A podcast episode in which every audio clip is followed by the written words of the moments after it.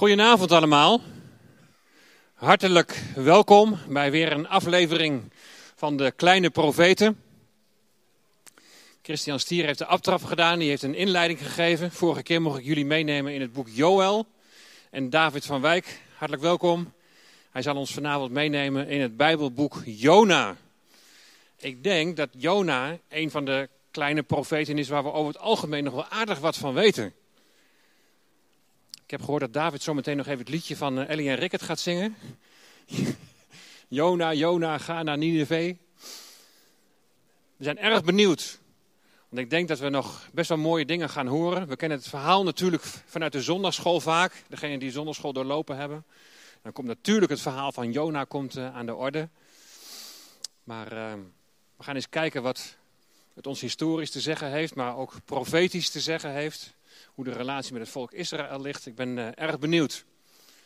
Dus mooi dat we zo samen kunnen zijn, om samen met elkaar ook het woord te openen en daardoor samen opgebouwd te worden. Ik wil vragen om uh, stil te worden en dan gaan we samen bidden. Trouwe God, Hemelse Vader, we komen tot u om u te danken, te loven, te prijzen om wie u bent. Heer, wat is het een voorrecht dat we op een avond als deze zo met elkaar mogen zijn om uw woord te openen. En met elkaar onderwijs te krijgen over de kleine profeten, over Jona in dit geval. En we willen zo bidden voor David. Wilt u hem zegenen? Wilt u hem volmaken van uw heilige geest? Wilt u hem wijsheid geven? En, uh, en wilt u zo geven, heren, dat we een hele bijzondere, mooie, opbouwende avond met elkaar zullen hebben. Heer, we danken u dat we hier bij elkaar mogen zijn in de zaal. We danken u voor de mensen die meekijken via de livestream. Dat we zo allen uw zegen daarin mogen ervaren. Dat vragen we uit genade in Jezus' naam. Amen. Net als de vorige keer een, uh, een klein verzoek of uh, jullie ook willen bijdragen in de kosten van deze avond. Ik zal even weer de QR-code laten zien, ook uh, voor de mensen thuis de opbrengst is voor de onkosten van deze avond, maar ook voor de wereldwijde Bijbelverspreiding onder het Joodse volk, waar eh, Israël en de Bijbel eh, actief in is. Dus ik wil deze collecte ook van harte bij jullie aanbevelen. Ik heb nog een slide en daar kun je precies zien hoe het werkt. Ga naar de Gift-app, je kunt je bedrag invullen. Dan naar de QR-code die je hier ziet. Dan kun je die QR-code scannen. En dan verschijnt VBG en Meloord, dat klopt. Maar de opbrengst gaat naar Israël en de Bijbel, zodat dat ook even duidelijk is. Voor mensen uit onze gemeente, je kunt het ook via de Scipio-app doen. Dan kun je onderaan, ga je naar collecten en dan zie je een, uh, op een gegeven moment de derde of de vierde. Het staat dan heel duidelijk ook bij de kleine profeten. En dan kun je ook op die manier overmaken. We hebben daar bij de tafel, daar liggen een aantal magazines van Israël en de Bijbel. Ook mooie boekenleggers. Maar daarnaast ligt ook nog even de QR-code, want ik denk dat het scannen vanuit de zaal niet lukt. Maar dan zou je daar nog even via die QR-code zou je het kunnen overmaken. Goed. Ik weet niet of jullie nog even hier naar moeten kijken, want volgens mij is de batterij hiervan bijna op, van de klikker. Dus als jullie misschien even een nieuwe batterijen hebben, dan gaat het in ieder geval tijdens de presentatie zo meteen uh, niet mis. Goed, David. Mag ik je uitnodigen?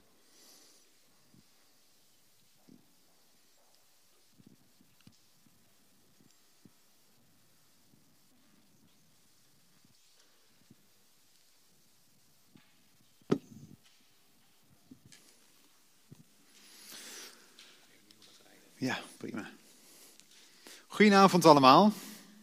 Fijn om zoveel hier in de zaal te zien, maar ook om te weten dat er zoveel mensen thuis meekijken. Voor wie mij niet kent, mijn naam is David van Wijk. Ik werk net als Christian, die de inleiding deed, fulltime voor Stichting Israël de Bijbel. En uiteraard kan ik het niet laten daar nog kort wat over te vertellen, omdat dit het werk is wat mijn hart heeft. Nou, zoals u al heeft gehoord, zetten wij ons in voor de wereldwijde Bijbelverspreiding onder het Joodse volk. We hebben het eigenlijk bij volken over Gods woord teruggeven aan het Joodse volk. We gaan de twaalf kleine profeten behandelen. Nou, die waren net zoals al die andere schrijvers van de Bijbel stuk voor stuk Joods. Dus God gebruikte zijn volk om zijn woord te geven aan de wereld. Vandaag de dag hebben veel Joodse mensen helaas zelf geen Bijbel. En wij willen die weer aan hen teruggeven. Met al die rijkdommen erin die ze ook tot ons gekomen zijn. En een uitgave die mijzelf bijzonder aan het hart ligt, is deze. We hebben diverse tweetalige Bijbels en de meeste zijn vrij groot. En dit is een van onze kleinste. En dat heeft een bijzondere reden. Ik weet nog heel goed dat ik een aantal jaren geleden een documentaire zag voor het eerst over de vele Israëlische backpackers. Zo'n 75.000 jonge Israëli's gaan normaal gesproken buiten coronatijd per jaar de wereld in backpacken met een rugtas. En van hen gaat het grootste gedeelte naar landen als India en omliggende landen. Waarom? Deze jonge mensen die willen eigenlijk ontsnappen aan, aan de voortdurende druk en dreiging die er in Israël is. De meesten hebben net hun diensttijd achter de rug. En die, die gaan op zoek naar vrede en rust voor hun hart. En dat is natuurlijk precies wat de Oosterse religies beloven. Maar het is ook precies wat de drugs en de feesten eigenlijk beloven. Om maar die, die vragen en in te wisselen voor iets anders. Om te ontsnappen daarin. Dus vandaar dat velen van hen naar India gaan. Gaan naar de goeroes toe. Of de, de yoga, de meditatie. En proberen daarin te ontsnappen. Anderen doen dat, zoals ik zei, door de drugs en de feesten die daar veel worden gegeven. En toen ik deze documentaire zag, toen, toen brak mijn hart eigenlijk voor deze jonge mensen. Want ze zijn zo op zoek naar vrede en naar rust. En wij kennen notabene hun eigen Messias, die Jezus, die zegt, kom tot mij, alle die vermoeid en belast zijn. Ik dacht, ja, wij hebben het antwoord voor ze. Datgene waar ze naar op zoek zijn, die werkelijke rust kan geven.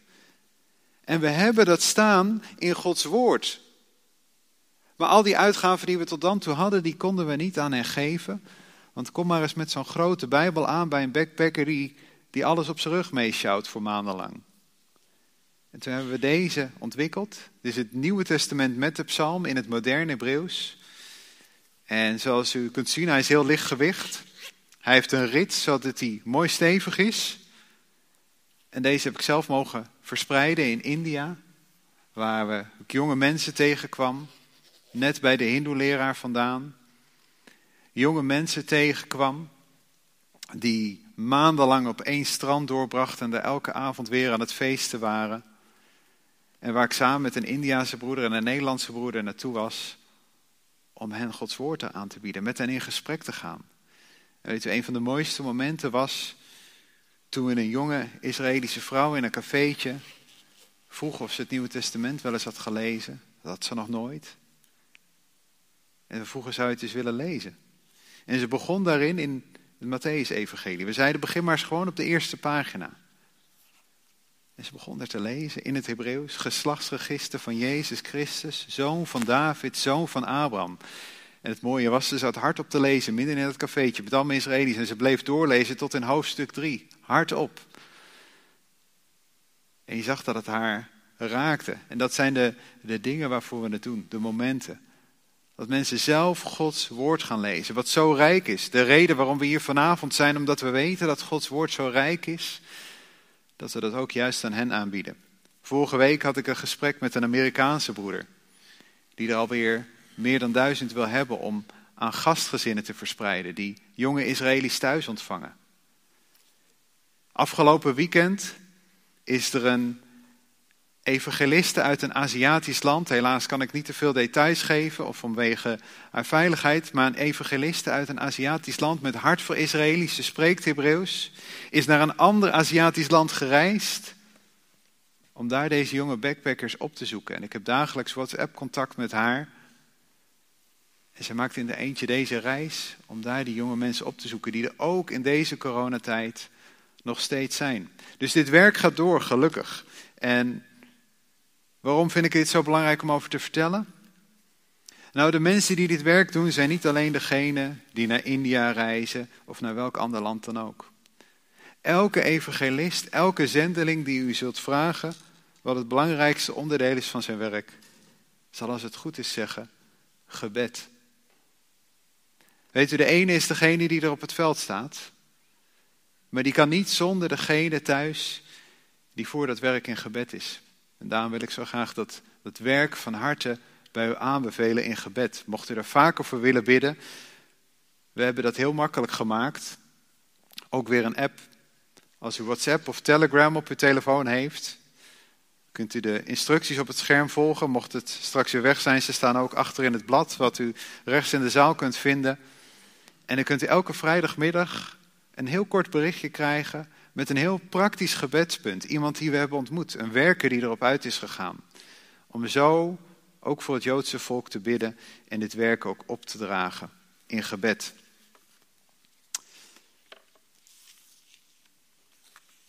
We gaan het hebben over Jona. Afgelopen juni van dit jaar stond er een bericht in de krant en op NOS. Man overleeft 30 seconden in bek van walvis. Dat is echt gebeurd, afgelopen jaar.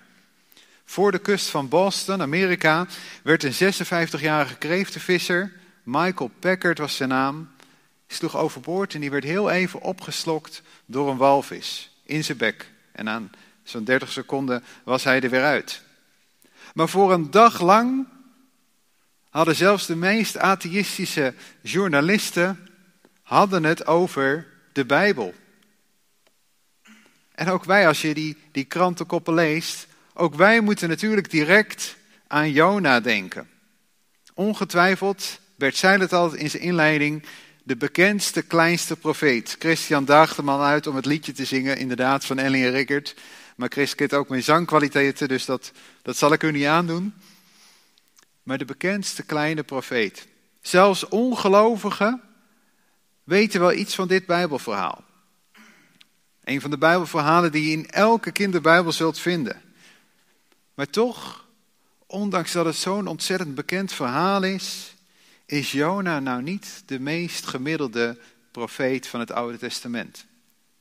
Sterker nog, als we Jona goed gaan bestuderen, wat we straks gaan doen, proberen in ieder geval, blijkt het dat Jona bij de kleine profeten eigenlijk wel een beetje een vreemde eend in de bijt lijkt. Maar daar zal ik straks wat meer over vertellen. Vanavond, we zeiden het al, gaan we eigenlijk, zoals alle avonden, eerst kijken hoe we Jona historisch gezien moeten plaatsen. Vervolgens kijken we naar zijn profetische boodschap. En tot slot zullen we lessen proberen te trekken voor ons persoonlijk leven. Maar eerst wil ik een gedeelte met u gaan lezen. Het belangrijkste gedeelte van elke Bijbelstudie is het lezen van het woord zelf. Hoe Gods woord, God zelf heeft gekozen om de geschiedenis te laten opschrijven. Misschien wilt u met mij opslaan het boek Jona. Het boek is niet zo heel groot. We zouden het zelfs eigenlijk bijna helemaal kunnen lezen. Maar dan blijft er erg weinig tijd over voor het bespreken van het boek. Maar we zullen wel een heel stuk daarvan lezen. Omdat ik het altijd heel belangrijk vind om Gods woord zelf te laten spreken. We lezen Jona vanaf hoofdstuk 1, vers 1. En daar lezen we. Het woord van de Heere kwam tot Jona, de zoon van Amittai. Sta op, ga naar de grote stad Nineveh en predik tegen haar want hun kwaad is opgestegen voor mijn aangezicht. Maar Jonas stond op om naar Tarsis te vluchten, weg van het aangezicht van de Here. Hij daalde af naar Jaffo en vond een schip dat naar Tarsis ging. Hij betaalde de prijs voor de overtocht en ging aan boord om met hem mee te gaan naar Tarsis, weg van het aangezicht van de Here. Maar de Here wierp een hevige wind op de zee er ontstond een zware storm op de zee, zodat het schip dreigde te breken. Toen werden de zeelieden bevreesd en ze riepen, ieder tot zijn God. Ze wierpen de lading die in het schip was in de zee om het daardoor lichter te maken. Maar Jona was afgedaald in het ruim van het schip, was gaan liggen en was in een diepe slaap gevallen. De kapitein kwam bij hem en zei tegen hem: Hoe kunt u zo diep in slaap zijn? Sta op, roep uw God aan. Misschien zal die God aan ons denken, zodat we niet vergaan. Daarop zeiden de mannen tegen elkaar: Kom, laten wij het lot werpen, zodat wij weten door wie dit onheil ons overkomt. Ze wierpen het lot en het lot viel op Jona. Toen zeiden ze tegen hem: Vertel ons toch door wie dit onheil ons overkomt. Wat is uw werk en waar komt u vandaan? Wat is uw land en van welk volk bent u? Hij zei tegen hen, ik ben een Hebreeër En ik vrees de Heere, de God van de hemel, die de zee en het droge gemaakt heeft.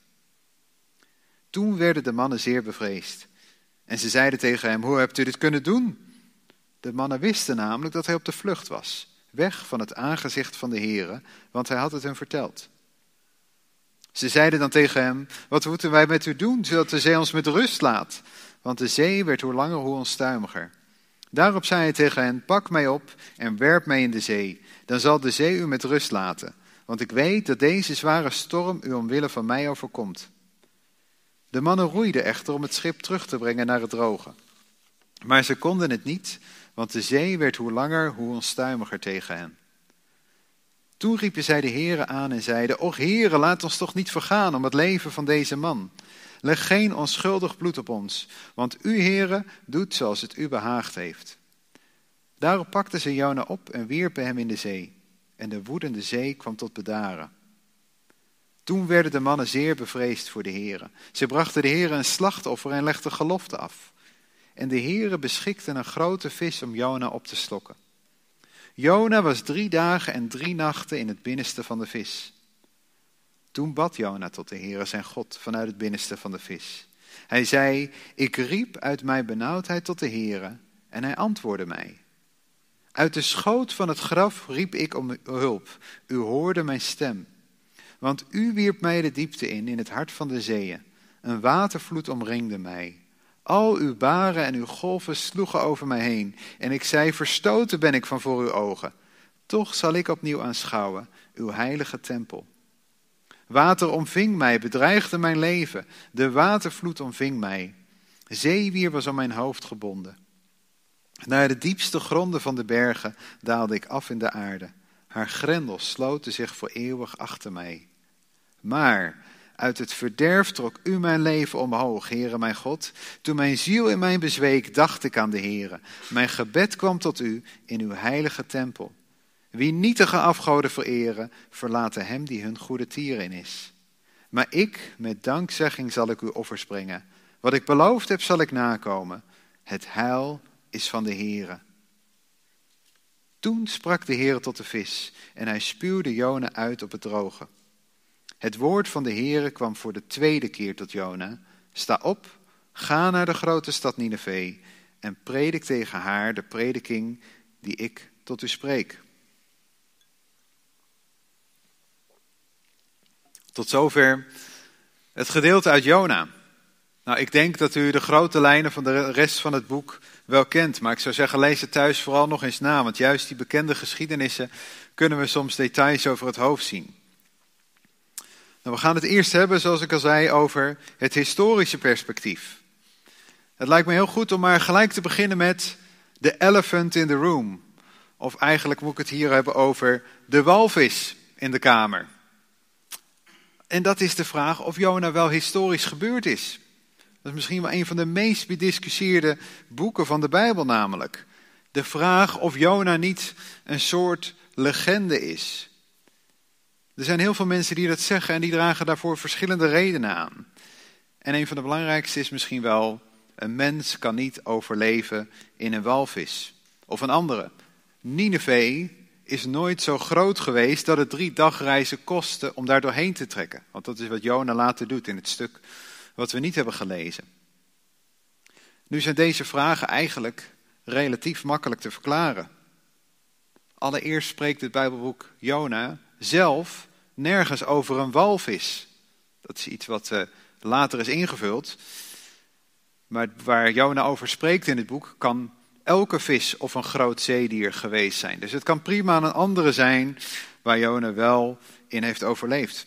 Ook voor die stad Nineveh, voor die drie dagen, zijn meerdere verklaringen te vinden. Het kan heel goed bijvoorbeeld zijn dat het over het hele district Nineveh gaat, wat veel breder was dan alleen de stad. Dat onderscheid werd niet altijd gemaakt in die tijd.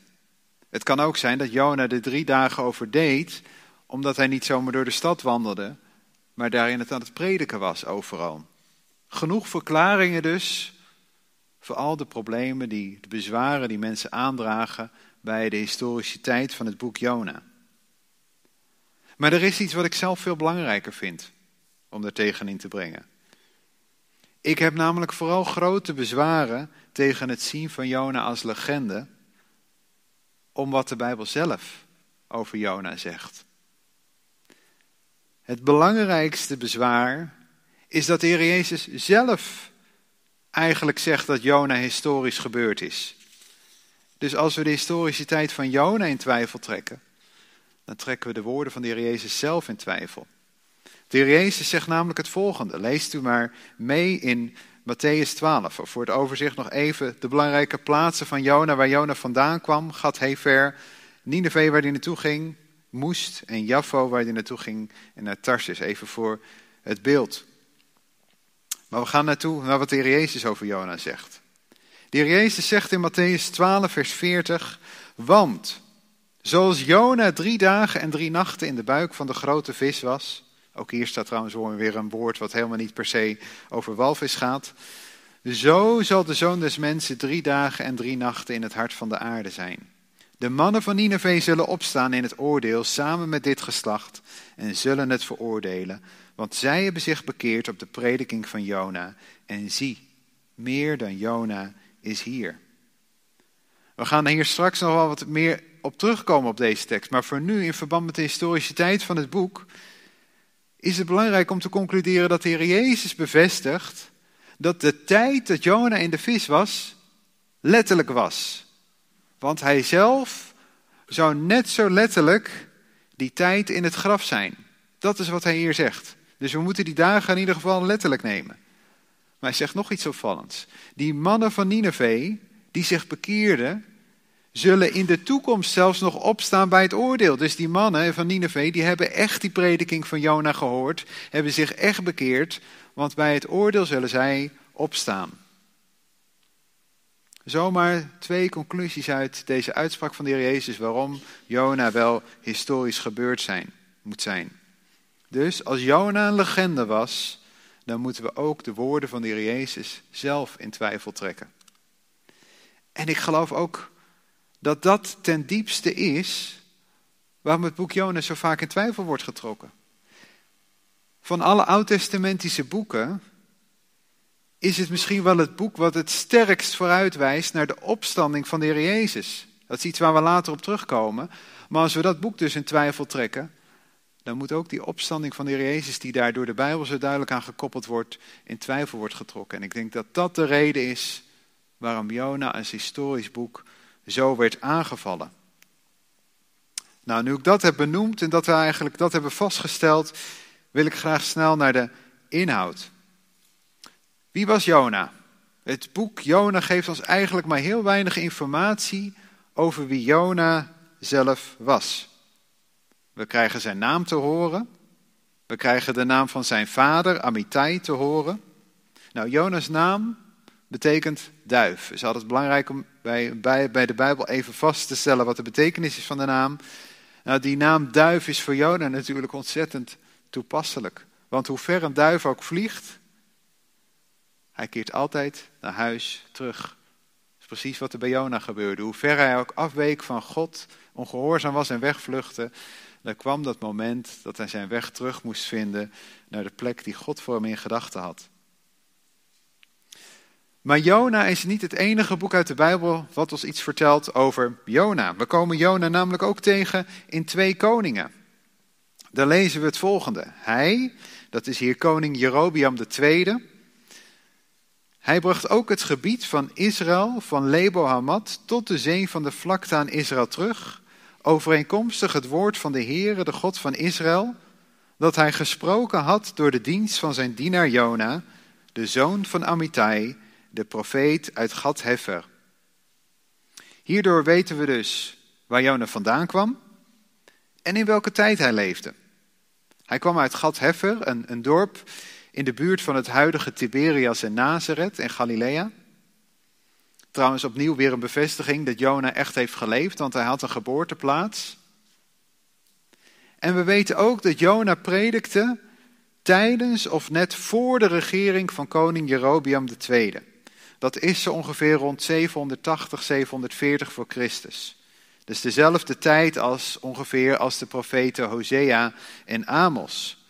Dus even voor een beeld, dat is na de profeten Elia en Elisa, maar het zit nog voor de ballingschap naar van zowel Israël als Juda. Dus daar ergens tussenin plaatsen we het boek Jona. Als we tussen de regels hier doorlezen van dit vers uit Twee Koningen, valt nog iets op. Jerobiam was een van de vele koningen die deed wat slecht was in de ogen van de heren. Hij ging in de voetsporen van zijn naamgenoot Jerobiam I, een van de slechtste koningen. Toch, ondanks dat hij zo'n slechte koning is, lezen we hier dat het land onder zijn regering groeit. Er, komt, er komen stukken land bij. Hij wint stukken terug op de Assyriërs. En wat is er zo opvallend? De Heere had geprofiteerd dat dat zou gebeuren door de mond van Jona. En er staat ook een vers later bij waarom God dat had geprofiteerd, dat, dat dat stuk land teruggewonnen zou worden. Dat lezen we verder in vers 26, want de Heere zag dat de ellende van Israël zeer bitter was. Dat het met de gebondenen en de vrije gedaan was en dat Israël geen helper had. De Heer had niet gezegd dat hij de naam van Israël onder de, van onder de hemel uitwissen zou, maar hij verloste hen door de hand van Jerobiam, de zoon van Joas. Dus wat gebeurt hier? God ziet de ellende van Israël, ondanks het handelen van hun, hun koning, van hun slechte koning. Weet u hoe dat heet? Dat is genade. Dat God Israël wil helpen, ondanks die slechte koning. Terwijl die koning juist vaak het lot van Israël bepaalde. Nou, waarom benoem ik dit nu zo expliciet? Het heeft namelijk een directe koppeling met het boek Jona. Het verklaart de houding van Jona in het boek Jona. Want in zijn gebed tot God, voor, tot God legt Jona uit waarom hij vluchtte voor, voor het aangezicht van de Heer. Dat staat in Jona 4, vers 2. Dat hebben we nog niet gelezen. Maar daar lezen we in Jona 4, vers 2. Want ik wist dat u een genadig en barmhartig God bent, geduldig en rijk aan goede tierenheid, die berouw heeft over het kwaad. Jona had al eerder over Gods genade geprofeteerd. Dat het God het land, de, de ellende van Israël zag, ondanks een slechte koning, en dat het land toch nog groeide. Jona had die genade van God in werking gezien. Want hij had gezien dat er land bij was gekomen. En dat God het volk daarin genade toonde. Jona had van die genade geproefd. En nu moest Jona Gods boodschap aan Nineveh gaan verkondigen. Terwijl hij wist hoe genadig God was. En daarmee komen we bij mijn volgende punt. Wat was Nineveh voor een stad eigenlijk? Nou, heel praktisch. De stad lag aan de oostoever van de rivier de Tigris. Ongeveer 350 kilometer ten noorden van het huidige Bagdad, boven Irak dus. De stad behoorde in die tijd tot het Assyrische Rijk. Het was niet de hoofdstad van het Assyrische Rijk, maar wel een van de belangrijkste steden. En zoals ik al zei, het kan zijn dat in Jona, in het boek Jona, het hele district rondom de stad wordt bedoeld, het hele gebied. In Genesis 10 kunnen we lezen dat de oorsprong van deze stad, Nineveh, in Babel ligt. In Genesis 10 gaat het over Nimrod. Nimrod bouwde zijn koninkrijk Babel. En vanuit daar trok hij of de stamvader Assur, net hoe we het stuk lezen, die trok daaruit weg en die stichtte onder andere ook Nineveh. Nineveh heeft dus een heel duidelijk verband met Babel qua oorsprong. Nu de Assyriërs hadden ook een heel ver ontwikkelde beschaving wat betreft cultuur en techniek, waar we vandaag nog steeds de sporen van terugzien. Neem bijvoorbeeld de bestrating van wegen, komt bij de Assyriërs vandaan.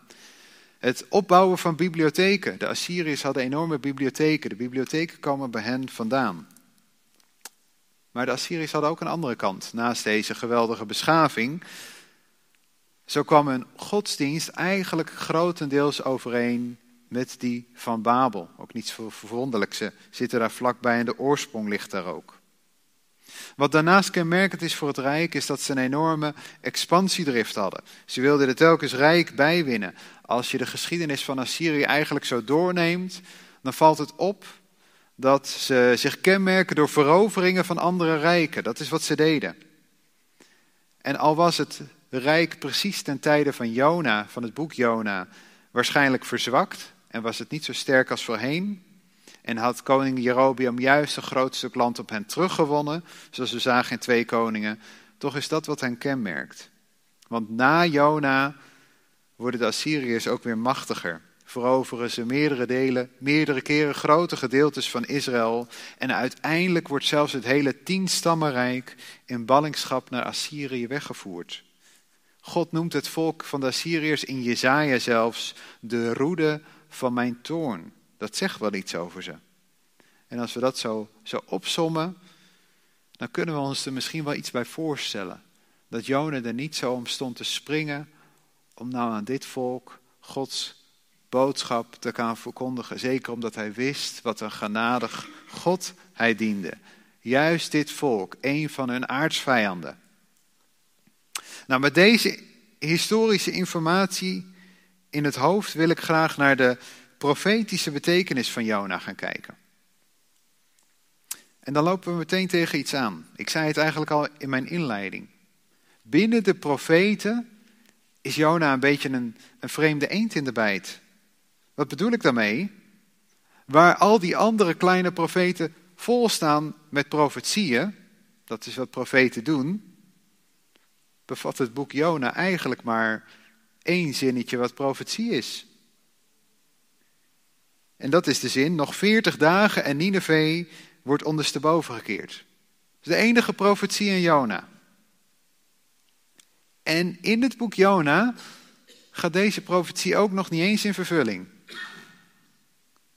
Overigens, de profeet Nahum kondigt later alsnog wel een oordeel over Nineveh aan. Maar daar zal ik niet te veel over zeggen, anders maai ik het gras voor Bert zijn voeten weg, die het daar later nog over gaat hebben. Maar er gaat wel zeker nog wat met Nineveh gebeuren. Maar als je Jona zo leest op het eerste gezicht, zou je eerder zeggen dat het een geschiedenisboek is en geen profetisch boek. En toch geloof ik dat het terecht is dat Jona onder de profeten wordt geschaard. Met deze geschiedenis van Jona is namelijk iets heel bijzonders aan de hand. Alle geschiedenisboeken in de Bijbel, als we ze opslaan, hebben naast verschillende lagen die erin zitten, in de eerste plaats een heel duidelijk historisch belang. De geschiedenisboeken in de Bijbel vertellen eigenlijk iets over Gods handelen met deze wereld, Gods handelen met Israël, Gods, hoe God zijn reddingsplan voor de wereld uitvoert. Dat is eigenlijk hoe de geschiedenis beschreven wordt. We leren hoe de, Bijbel, of de, de wereld geschapen wordt, hoe Israël een volk wordt, uit de aartsvaders voortkomt, hoe dat volk koningen krijgt, rechten, richters en hoe dat land groeit. Eigenlijk heeft elk van die geschiedenisboeken een plekje om iets uit te leggen van Gods handelen, Gods plan. Zelfs een klein boekje als Rut, wat ook een historisch boek is eigenlijk, heeft een historisch belang. Het legt namelijk bijvoorbeeld uit hoe God al ten tijde van richteren, terwijl als je richteren leest, dan kan je nog wel eens droevig worden van alles wat er gebeurt. Maar boek Rut legt uit hoe God ten tijde van richteren als zijn plan aan het uitwerken is. Heel in het klein. En daar met het voorgeslacht van koning David bezig is. In die tijd dat er nog geen koning is over Israël, is God al bezig om dat voor te bereiden. Dat die koning er zou komen. En als we nog verder kijken, al bezig om voor te bereiden dat die grote koning kon komen. De zoon van David. Dus zelfs een klein historisch boekje als Rut heeft een historisch belang. Maar de geschiedenis van Jona heeft eigenlijk helemaal niet zo'n historisch belang. Dat bedoel ik niet dat het niet belangrijk is. Daarmee bedoel ik dat het boek Jona strikt genomen niet nodig is om als geschiedenisboek een stukje van Gods plan met deze wereld, Gods plan met Israël te beschrijven. Daar hebben we het boek Jona eigenlijk niet voor nodig. Het boek heeft in de eerste plaats, geloof ik, een heel ander groot belang. Wat bedoel ik daarmee? Ik geloof dat de geschiedenis van Jona zelf profetisch is. De geschiedenis van Jona is profetisch. Wat bedoel ik daarmee? Jona is in zijn boek een beeld van zijn eigen volk. En ik zal het gaan toelichten. Maar het is niet zoiets heel vreemds in de Bijbel. We zien het namelijk ook wel bij andere profeten in het klein. Wat bij Jona eigenlijk in het groot gebeurt, gebeurt bij andere profeten in het klein. Neem bijvoorbeeld het lot van de profeet Jeremia. Het lot van Jeremia correspondeert met het lot van zijn volk. Hij zegt in Jeremia 8, vers 21: Om de breuk van de dochter van mijn volk ben ik gebroken. Ziet u dat dat lot overeenkomt? Denk bijvoorbeeld ook aan Jeremia's gevangenschap en zijn wegvoering uit het land. En in dat stukje is Jeremia eigenlijk een beeld van zijn volk. Ezekiel functioneert zelf als een teken voor zijn volk. Bijvoorbeeld wanneer hij Juda's ballingschap moet uitbeelden. God zegt het heel letterlijk. Zo zal Ezekiel voor u een wonderteken zijn. Geheel zoals hij gedaan heeft, zult u doen. Ezekiel was ook een beeld van zijn volk, maar dan in dat kleine stukje. En als derde voorbeeld het huwelijk van de profeet Hosea. Dat huwelijk van de profeet Hosea verwees naar de verstoorde relatie tussen God en zijn volk. Het is dus iets wat veel vaker voorkomt, dat de profeet zelf een beeld is van zijn volk. Maar wat we bij deze drie voorbeelden in enkele passages zien, of in een stukje van de geschiedenis, zien we bij Jona eigenlijk door het hele boek heen. En ik zal dat gaan toelichten. Het begint dan met de betekenis van Jona's naam. Een duif. Een vogel die meerdere betekenissen heeft in de Bijbel. Maar één daarvan is dat de duif als een beeld voor Israël wordt gebruikt. Zoek thuis maar eens op Psalm 74, vers 19 en Hosea 11, vers 11. Maar neem ook bijvoorbeeld de bekentenis van Jona zelf, die we hebben gelezen. Hoofdstuk 1, vers 9. Daar zegt hij het eigenlijk heel krachtig. Ik ben een Hebreeër. Het lijkt wel alsof hij bijna erkent een, een representant te zijn van zijn volk. Bedenk ook dat Jona de enige Joodse man is die in dit boek voorkomt. Het is niet zoveel dat het voorkomt in de Bijbel, dat er maar één Joodse man in voorkomt. Maar in dit boek is er maar één Joodse man. Op internet las ik een opvallend commentaar van een notabene liberale Joodse professor. Hij zegt, net zoals Jona hebben wij Joden onze missie de afgelopen 2000 jaar ontlopen. Maar we kunnen dat niet blijven doen. We hebben een taak. Maar door de tijd heen zijn we dat bewustzijn kwijtgeraakt.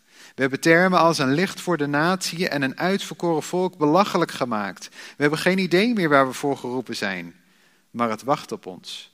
En wanneer we ervoor wegrennen, zal er een storm komen. Nu, waarschijnlijk ben ik het op heel veel gebieden oneens met deze liberale professor. Maar ik geloof dat hij hier gelijk heeft in wat hij hier zegt. Jona is, zoals ik al zei, een beeld van Israël. Want inderdaad, Israël had een roeping om de wereld bekend te maken met de God van Israël. Lees maar eens mee in Exodus 19.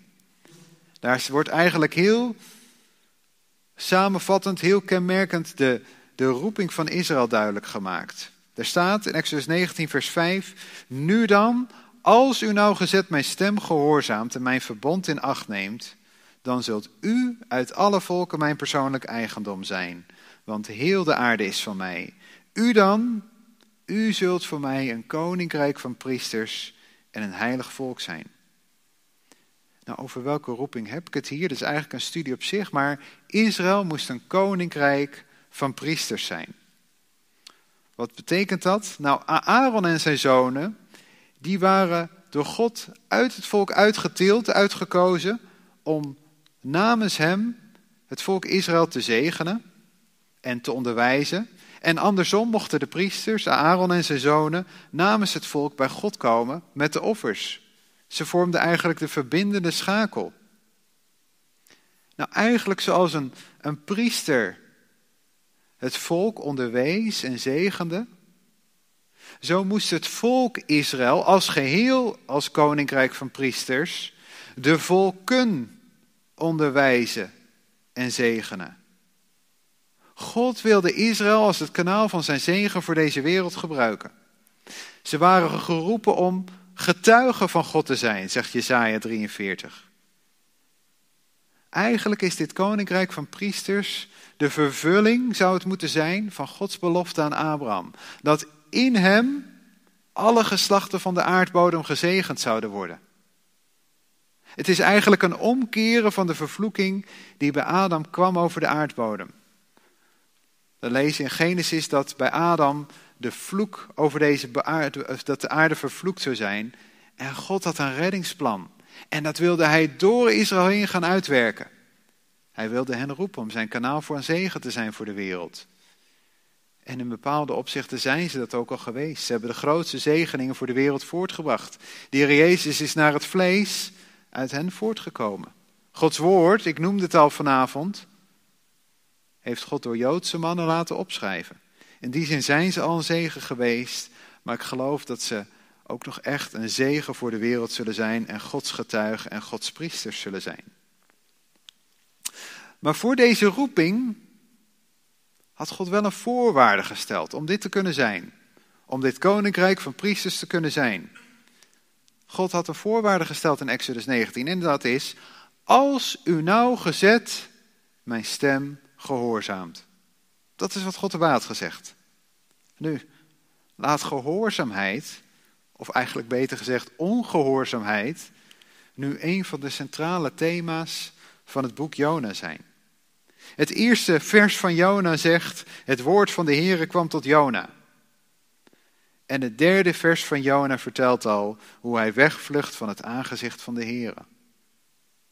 Eigenlijk zien we precies hetzelfde bij Israël.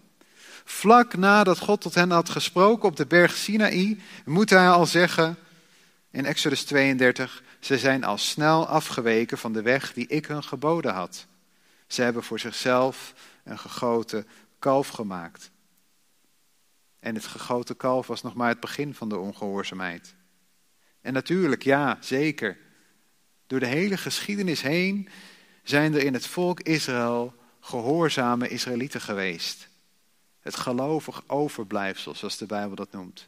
Er zijn altijd gelovige, gehoorzame Israëlieten onder hen geweest. Maar nooit zijn ze als volk volledig tot geloof gekomen. Nooit zijn ze als volk volledig de Heer gehoorzaam geworden. En die ongehoorzaamheid die kwam eigenlijk tot een climax toen ze de Heer Jezus verwierpen als hun eigen Messias. En toch, ondanks Jona's ongehoorzaamheid, heeft God Jona niet volledig losgelaten. Want dan staat er die eenvoudige zin in dat boek Jona, maar die tegelijk zo diepgaande zin. De Heere beschikte een vis. God heeft alles in zijn hand.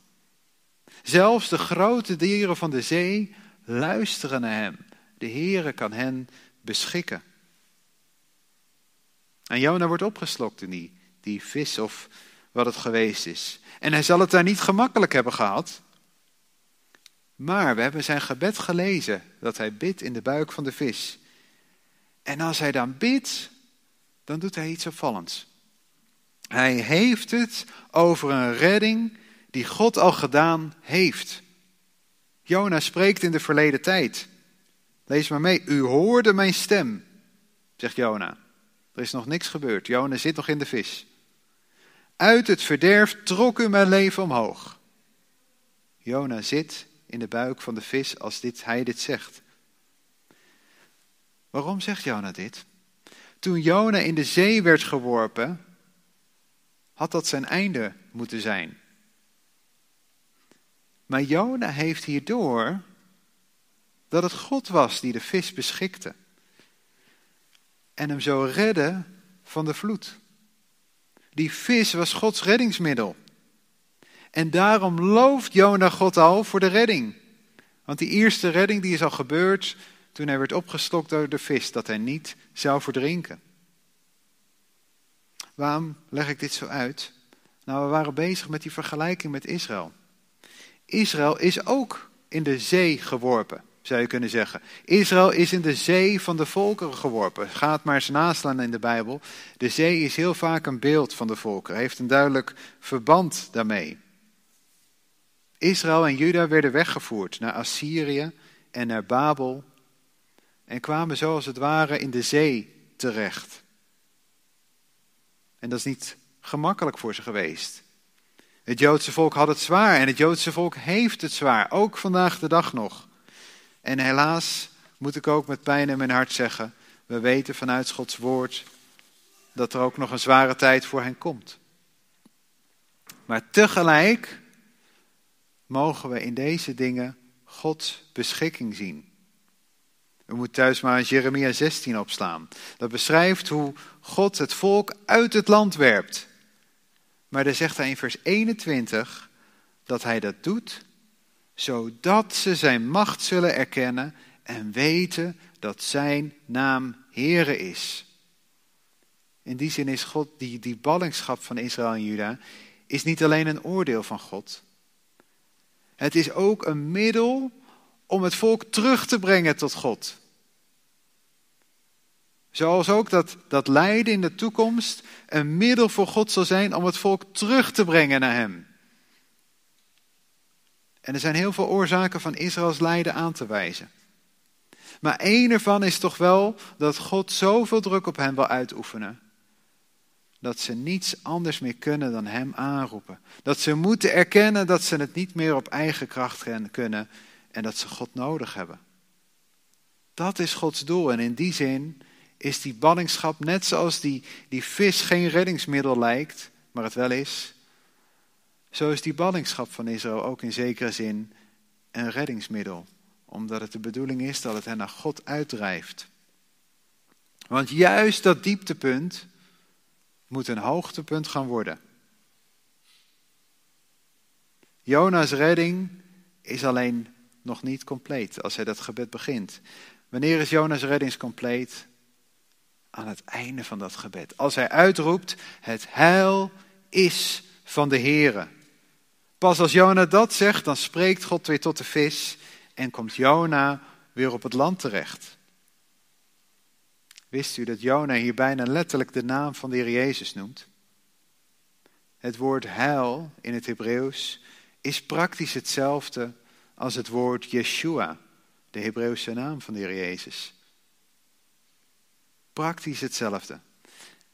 En als ik dat zo op me in laat werken, wat Jona hier zegt, en ik denk na over dat beeld van Israël, dan gaan mijn gedachten naar de woorden van de Heer Jezus zelf, die in Matthäus 23, vers 39 zegt.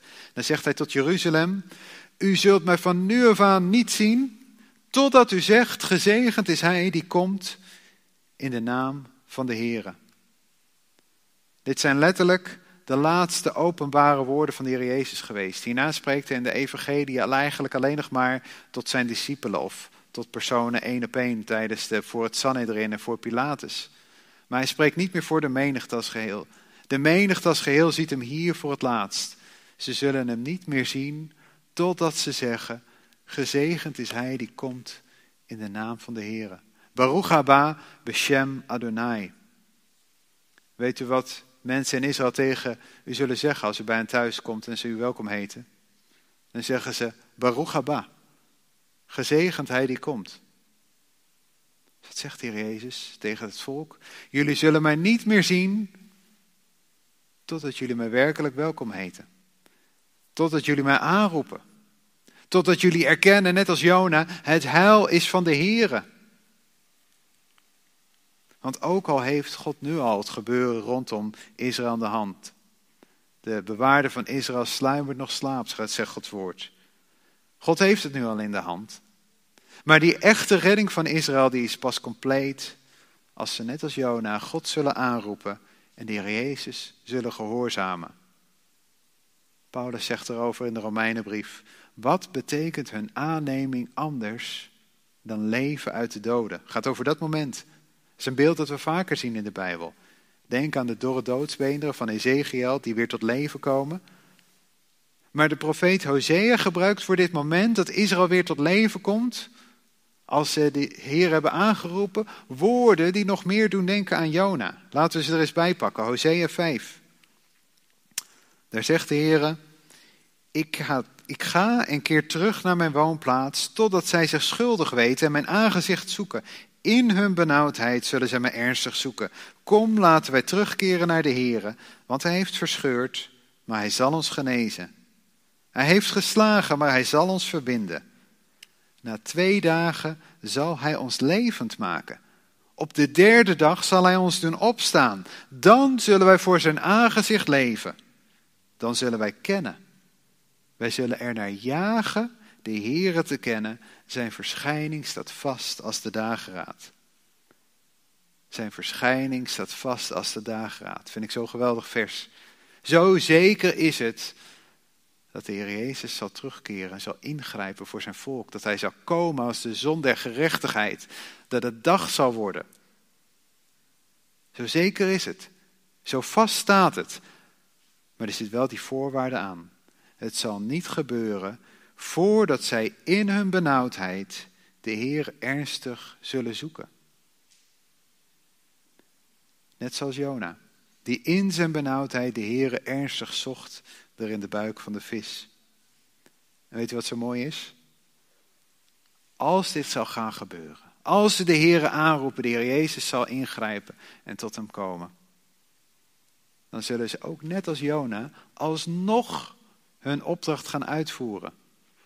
Dan zullen ze dat koninkrijk van priesters worden. Net zoals Jona, nadat hij het had uitgeroepen, weer het land werd gebracht. Zo zal Israël ook weer teruggebracht worden in het land als ze de Heer hebben aangeroepen door de Heer Jezus zelf. Weer teruggebracht naar hun land. En dan mogen ze alsnog die taak gaan vervullen waartoe ze zijn geroepen. Een koninkrijk van priesters te zijn en een zegen voor de wereld. Zo geeft Jona ons eigenlijk prachtig perspectief op het herstel van Israël. Maar weet u, als ik dit als het enige profetische perspectief van Jona zou behandelen, dan zou ik het boek ernstig tekort doen. Als ik het alleen als beeld van Israël zou behandelen. Ten slotte hadden we al een tekst gelezen wat de Heer Jezus zelf over Jona zegt. Laat hem nog eens lezen. Want zoals Jona drie dagen en drie nachten in de buik van de grote vis was, zo zal de zoon des mensen drie dagen en drie nachten in het hart van de aarde zijn. De mannen van Nineveh zullen opstaan in het oordeel, samen met dit geslacht, en zullen het veroordelen, want ze hebben zich bekeerd op de prediking van Jona. En zie, meer dan Jona is hier. De heer Jezus laat hier zien dat die geschiedenis van Jona ten diepste op hem slaat. Ja, het is een beeld van Israël. Maar het is ook een beeld van de volmaakte vertegenwoordiger van Israël. Een beeld van de Messias van Israël. De heer Jezus is de meerdere van Jona. En zoals ik al zei, ook degene die volmaakt de taak van Israël heeft vervuld. Want als er iemand is die tot een getuige voor de volken is geweest, een getuige van God, en iemand is die tot een zegen voor de volken is geweest, dan is het de Jezus zelf, de volmaakte vertegenwoordiger van zijn volk. Die dat heeft volbracht waar de mensheid faalde. Die dat heeft volbracht waar zijn volk faalde. Ook hij kon net als Jona zeggen, ik ben een Hebreeër. En de Heer Jezus zelf spitst die vergelijking heel specifiek toe tussen hem en Jona op die tijd in de vis. Jona roept uit dat God hem in het hart van de zee wierp. Op dezelfde wijze zou de Heer Jezus in het hart van de aarde zijn. Maar de reden daarvoor, voor die twee dingen, is totaal verschillend. Want waar Jona en ook Israël vanwege hun eigen ongehoorzaamheid geoordeeld werden, was dat bij de Heer Jezus niet zo. De Heer Jezus ging juist vanwege de ongehoorzaamheid van anderen het hart van de aarde in. Jona vluchtte weg van zijn opdracht, terwijl Jezus tot zijn vader zei, niet mijn wil, maar uw wil geschieden. Maar in beide gevallen, en dat is een overeenkomst, was het hun offer wat Gods toorn steelde. Want waar God de vis bij Jona beschikte, zo was het ook God zelf die zijn hand had in het lijden van de Heer Jezus. Even terzijde, maar we leren hier ook een, een les over typologie. Als iets een, in de Bijbel een beeld is van iets anders, vaak van de Heer Jezus noemen we dat een type.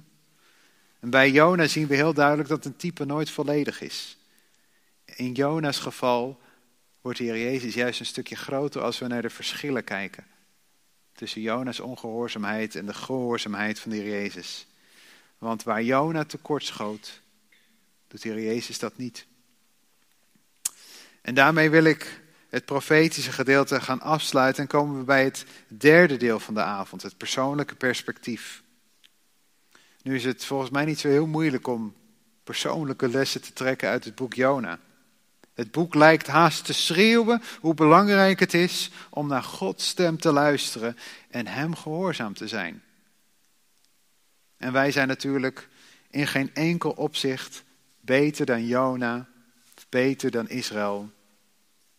Wij moeten ook kritisch naar onszelf kijken als het aankomt op gehoorzaamheid. Laten we eerst eens kijken waarom Jona eigenlijk ongehoorzaam was, als we naar die lessen kijken. En die duidelijkste aanwijzing, die heb ik al genoemd, is natuurlijk dat Jona er niet op zat te wachten dat God zijn genade zou tonen aan de vijanden van zijn volk. Dat lazen we in hoofdstuk 4. Och heren, waren dit mijn woorden niet, toen ik nog in mijn eigen land was? Daarom ben ik het voor geweest door naar Tarsis te vluchten, want ik wist dat u een genadig en barmhartig God bent, geduldig en rijk aan goede tierenheid, die berouw heeft over het kwaad. Als we eens bij onszelf te raden gaan,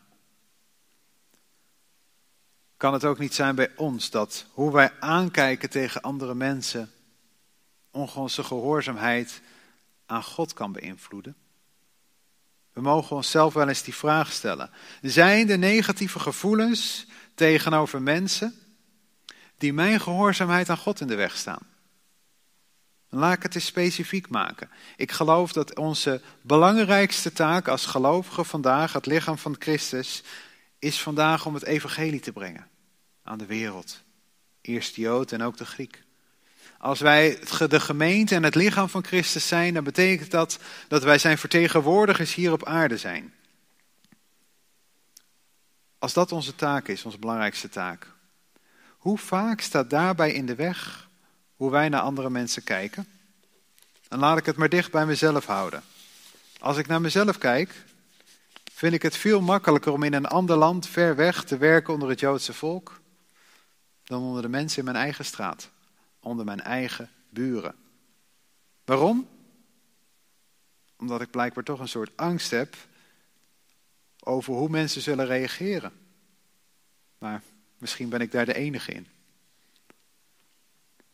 En nu staat denk ik bij ons angst vaker in de weg dan haat of afkeer, zoals bij Jona. Maar het is wel iets waar we alert op moeten zijn. Gaan we bijvoorbeeld ook in gesprek met moslims, als we daar misschien tegenop zien. Gaan we in gesprek met Jehovah's getuigen, die we misschien niet zo mogen. En wat denken van het Joodse volk? Gaan we daarmee in gesprek? Ik denk dat er maar weinig christenen zijn die niet met het Joodse volk in gesprek willen gaan over het evangelie uit haat. Maar ik weet wel dat er grote groepen zijn die niet met het Joodse volk over het evangelie willen spreken uit angst. Kunt u zich voorstellen dat het eigenlijk is omgedraaid? Jona wilde niet met een boodschap van oordeel naar de volken, maar tegenwoordig willen helaas veel christenen niet met een boodschap van hoop naar Israël. Ook tegenover hen hebben we een taak. Paulus zegt eerst de Jood en ook de Griek. En in hoeverre laten we daarbij onze eigen gevoelens tegenover mensen meespelen? Ten diepste komt het er denk ik op aan hoe we tegen de mensen aankijken om ons heen.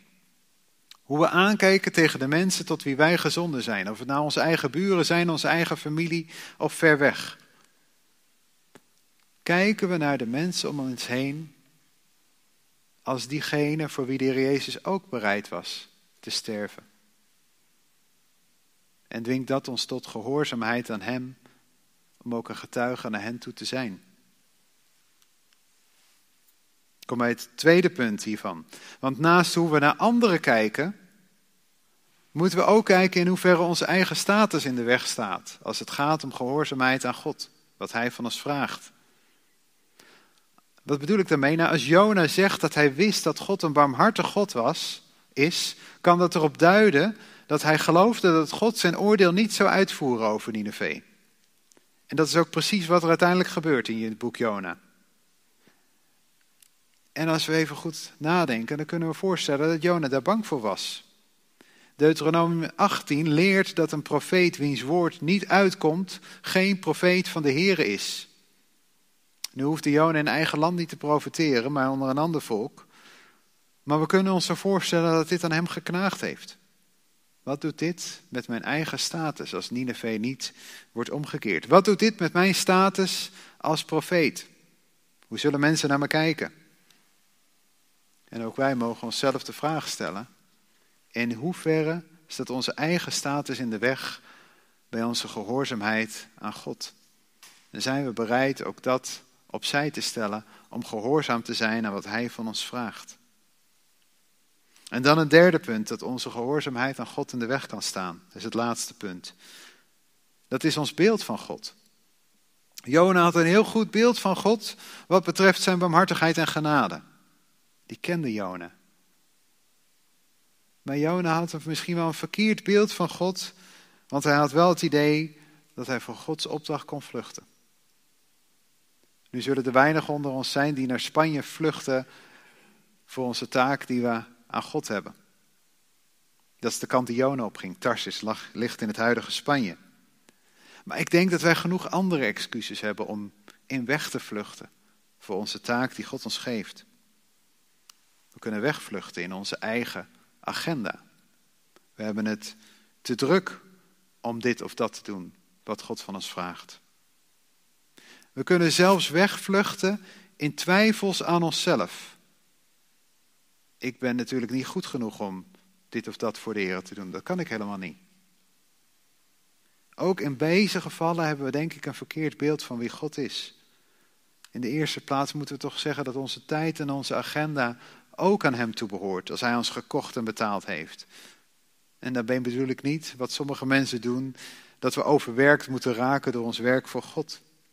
Dat is ook een gevaar. Maar ik bedoel dat we soms zo druk zijn met dingen die helemaal geen nut hebben voor de eeuwigheid.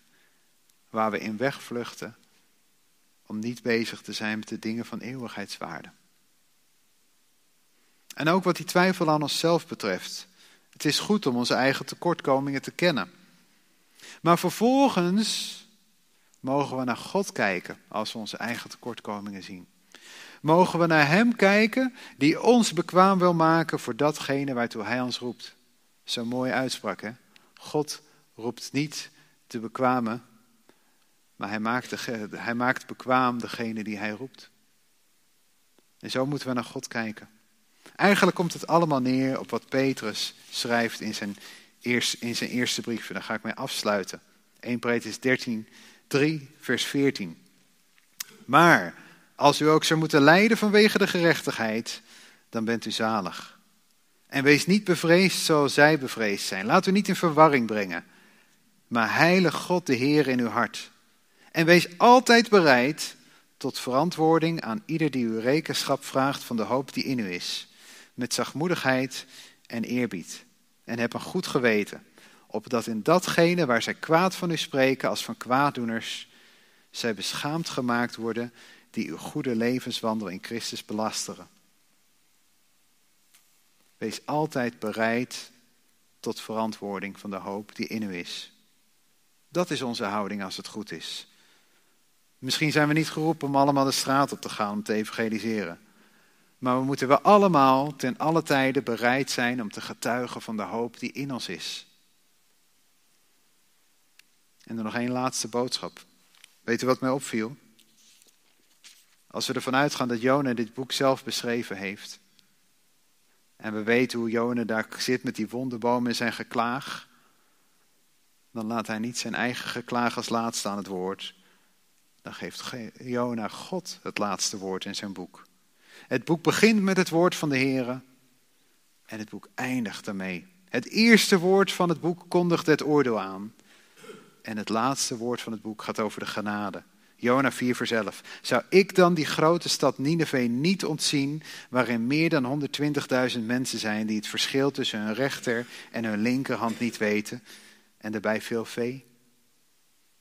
Een geweldige troost is dat, dat God zo zijn boek wil afsluiten. En ook een les voor vandaag. Ook als wij misschien soms ongehoorzaam zijn geweest.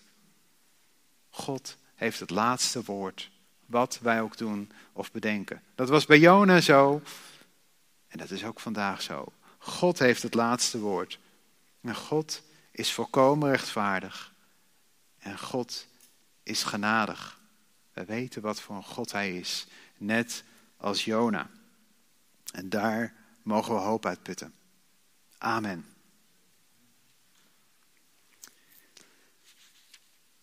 Mag ik met u deze avond afsluiten met gebed, met een dankgebed en mag ik u daarvoor gaan. Ja, trouw God en Vader.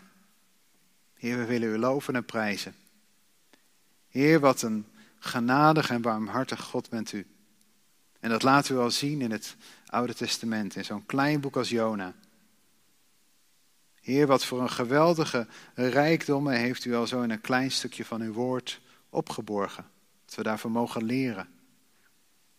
Heer, dat we mogen zien dat u een barmhartig en genadig God bent. Dat we mogen zien wat voor een, een plan u heeft met Israël. Dat we mogen zien wat voor een plan u heeft met deze wereld. Dat u daarvoor zelfs uw eigen zoon wilde geven. Dat u, Heer Jezus, bereid was die drie dagen in het hart van de aarde te zijn. Vanwege onze ongehoorzaamheid. Vanwege de gehoorzaamheid van Israël, vanwege de ongehoorzaamheid van Jona. Voor aan ieder van ons geldt dat. Dat we u nodig hebben. Heer, we willen u danken dat u bereid was die weg te gaan. Heer, maar we willen u ook danken dat u laat zien dat u genadig bent. En dat als wij ongehoorzaam zijn en weer tot u terugkeren, dat u ons alsnog wilt gebruiken, zoals u dat met Jona deed. En wat een geweldig perspectief dat u dat niet alleen met ons wilt doen, Heer, maar dat u dat ook zult doen voor uw volk Israël, wat u zo lief heeft. Heer, wat nu met zoveel lijden en moeite nog te maken heeft. Maar dat we mogen weten dat er een, een moment komt, Heer, dat ze u zullen aanroepen, dat u hen zult terugbrengen naar het land. Heer, en dat ze alsnog dat koninkrijk van priesters met u aan het hoofd zullen zijn. Dat een geweldig vooruitzicht, dat we mogen weten dat u elk van uw beloftes waar zult maken. Heer, daar kijken we naar uit. En tegelijkertijd zien we ook vandaag om ons heen wat er allemaal gebeurt. En dan willen we u vragen, wilt u ons helpen om inderdaad telkens bereid te zijn tot verantwoording van de hoop die in ons is.